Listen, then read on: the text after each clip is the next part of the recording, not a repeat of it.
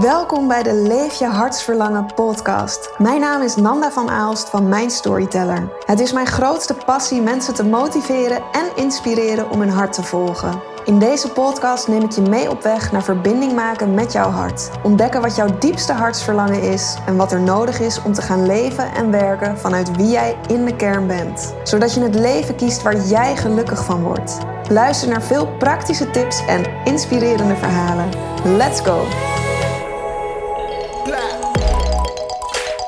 Ik vind het super leuk dat je luistert. Ik ben zelf een heel groot fan van podcasts. Ik loop en fiets en zit eigenlijk altijd met mijn koptelefoon op. En dan laat ik me inspireren, ontroeren, meenemen in verhalen. En het is nu eigenlijk heel gek om aan de andere kant te zitten. De kant van de maker.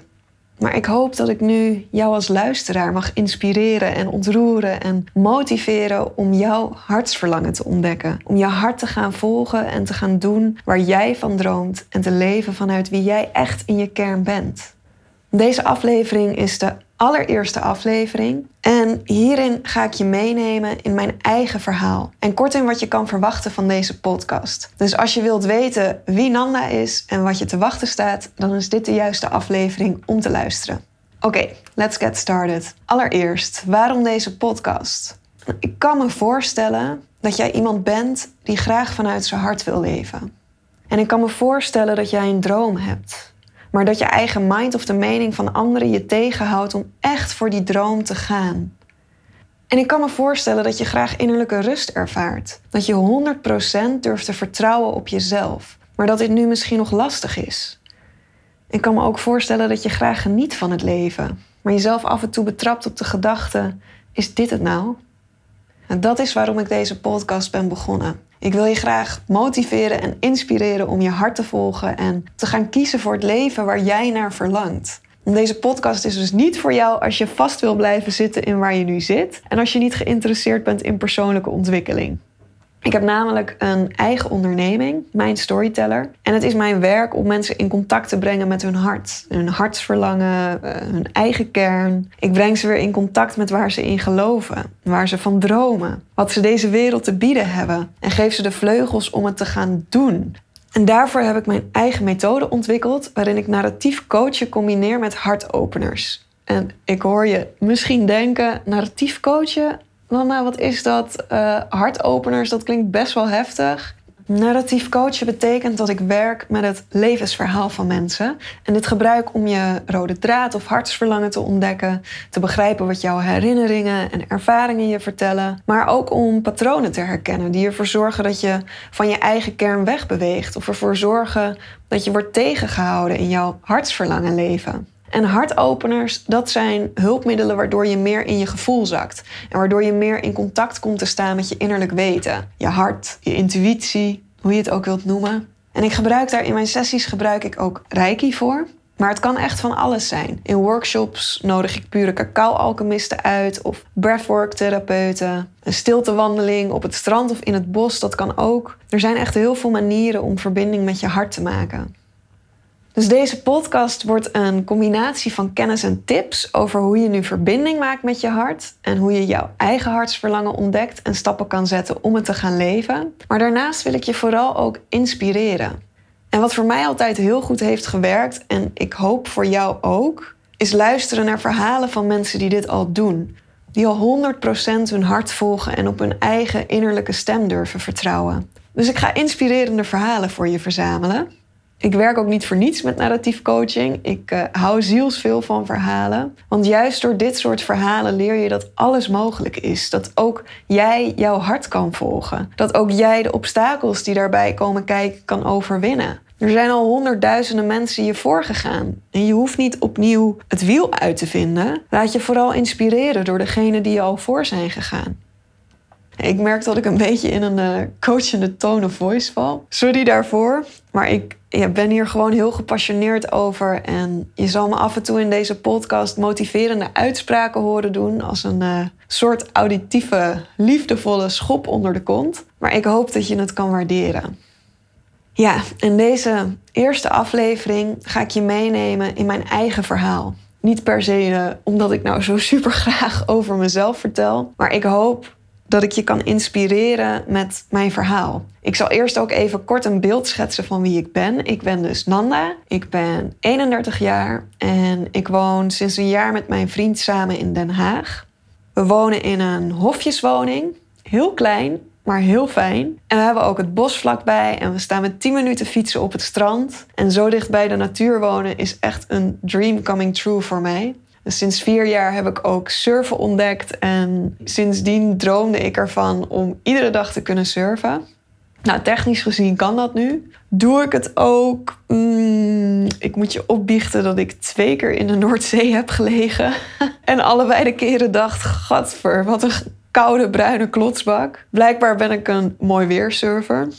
Ja, of gewoon een beetje een watje, dat kan natuurlijk ook. Maar ja, ik ben er nog niet helemaal over uit wat me, wat me tegenhoudt om die kans om wekelijks te surfen optimaal te benutten. Maar goed, ik ben dus heel erg gepassioneerd over je hart volgen en je leven kunnen leven zoals het voor jou bedoeld is. Doe ik dat zelf 100%? Inmiddels voor het grootste gedeelte wel. Wat ik nu doe is echt mijn hartsverlangen. En ik heb denk ik voor de buitenwereld best wel wat gekke sprongen in mijn leven gemaakt. Of keuzes gemaakt die voor anderen moeilijk te begrijpen waren. En die ik soms zelfs met mijn eigen gedachten nauwelijks begreep. Maar die simpelweg goed voelden. En dus ben ik mijn gevoel achterna gegaan. Ik ben altijd bezig met afstemmen op mijn hart. Maar er is ook zeker ruimte voor verbetering. Ik denk als ik naar mijn eigen leven kijk, dan is er nog een onderdeel wat ontbreekt in het 100% volgen van mijn hartsverlangen en mijn leven leven zoals het voor mij bedoeld is. En dat is op een plek onder de zon gaan wonen. Nu met deze woonplek kom ik echt al dicht in de buurt van waar ik van droom. We wonen op een heel gemoedelijke, rustige plek met veel natuur om ons heen. Maar het liefst overwinter ik in een warm klimaat. En ik weet ook dat de levensstijl in de warmere landen veel beter bij mij past dan de levensstijl in Nederland. Dus ja, dat zijn stappen die ik nog voor mezelf heb te maken. Ik ben ook gewoon nog steeds aan het leren en aan het afstemmen. Oké, mijn verhaal. Ik neem je mee terug naar toen ik 19 was. Ik studeerde media, informatie en communicatie. En ik zat in mijn laatste jaar en wilde heel graag stage lopen in het buitenland. Kaapstad had ik op het oog. En eigenlijk heb ik altijd al een onverklaarbaar gevoel van thuiskomen gehad bij Afrika. Ondanks dat ik er nog nooit was geweest, voelde ik dus wel: dit is mijn thuis. En ook nu ik dit zo uitspreek, denk ik: dit klinkt zo gek, maar ja, ik kan dat gevoel gewoon niet zo goed uitleggen. Maar goed, ja, ik wilde dus naar Kaapstad en via Google vond ik Faster Brother Productions. En ik wist direct, dit is de plek waar ik moet zijn. Twee broers die documentaires maakten voor Animal Planet en National Geographic. Het leek me fantastisch.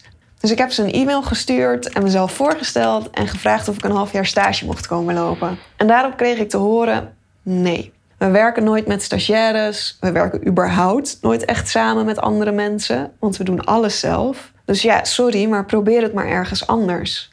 En normaal gesproken zou ik gedacht hebben: ja, oké, ik heb het geprobeerd, jammer, het kan niet. Dan ga ik op zoek naar iets anders. Maar dit keer had ik mezelf er echt in vastgebeten. Ik dacht, ja, uh, jullie zeggen het kan niet, maar ik weet dat dit de plek is waar ik moet zijn. Dus ik gaf niet op.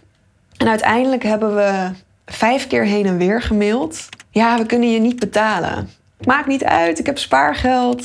Ja, maar we hebben geen onderkomen voor je. Nee, dat regel ik zelf al. Ik heb al een huis gevonden via deze organisatie. Ik woonde trouwens destijds nog bij mijn ouders. Dus het zou ook de eerste keer worden dat ik op mezelf ging wonen. Ja, maar we zitten 20 minuten rijden buiten Kaapstad. Je hebt echt een auto nodig. Ja, ik heb sinds een half jaar mijn rijbewijs en ik kan bij dit bedrijf een auto huren. Nou, uiteindelijk waren ze me volgens mij zo zat en werden ze er zo gek van dat ze hebben gezegd: Oké, weet je wat? Kom maar gewoon. We doen een proefmaand met je en dan kunnen we even voelen of het klikt. En als het niet klikt, dan helpen je wel bij het zoeken naar een nieuwe stageplek. Dus ik ben gegaan en het klikte ontzettend goed. Ik ben daarna ben ik zelfs nog drie keer teruggegaan naar Kaapstad om ze op te zoeken. En ik heb kerst met ze gevierd. Ja, die periode Dat halve jaar in Kaapstad heb ik echt de mogelijkheid gehad om te ontdekken wie ik was. En geleerd om volledig op mijn eigen gevoel te vertrouwen. Er zijn daar nog veel meer wonderlijke dingen gebeurd, maar daar zal ik een andere keer wat dieper op ingaan. Maar deze gebeurtenis heeft me absoluut laten zien dat ondanks dat je niet alles met je hoofd kan begrijpen en ondanks dat je te maken krijgt met weerstand, je echt op je eigen gevoel mag vertrouwen. En toen ik terugkwam uit Kaapstad, ik heb sowieso heel veel moeite gehad met weer landen in Nederland. Ik kon niet echt meer meegaan in de manier waarop in Nederland geleefd wordt. Ik vond het heel lastig om weer mee te doen aan die rat race. Ik had echt een beetje het gevoel, ik word weer teruggeduwd in iets wat niet klopt met wie ik ben. Maar ik ben uiteindelijk toch weer mee gaan rennen. Toch weer in die rat race gegaan. En eigenlijk daardoor ook steeds verder van mezelf vandaan geraakt onze maatschappij is niet echt ingericht op leven vanuit je hart. En onze maatschappij is niet ingericht op doen wat goed voelt. Het gaat hier heel erg om leven vanuit je hoofd. Om resultaten behalen, geld, succes, een goed cv, een huis kopen. En ik werd daar weer in meegesleurd in die manier van leven en keuzes maken. Ik ben uiteindelijk een tweede studie gaan volgen aan de Nederlandse Filmacademie. En ja, dat zijn echt vier zware jaren geweest. Waarin ik mezelf flink ben kwijtgeraakt door dat ik eigenlijk mezelf continu voordeed als iemand die ik niet was. De filmwereld is een hele harde wereld. En ik vind de filmacademie ook een hele harde studie. En ik voelde me daar helemaal niet op mijn gemak. Ik kon daar mezelf niet zijn. Maar toch ben ik doorgegaan. Ik had het gevoel dat als ik zou stoppen, dat ik dan zou falen. En ik wilde vooral ook mijn ouders niet teleurstellen. Dus ik ben afgestudeerd en ik heb een baan in de filmwereld aangenomen. Maar ik liep op een gegeven moment tegen randje burn-out aan en ik voelde me heel erg ongelukkig. En ik wist op een gegeven moment, ik moet hiermee stoppen. Het gaat gewoon echt niet goed. Ik moet stoppen. Ondanks dat ik hier vier jaar een dure studie voor heb gevolgd. Ik wil dit gewoon niet meer. Dus ik ben gestopt.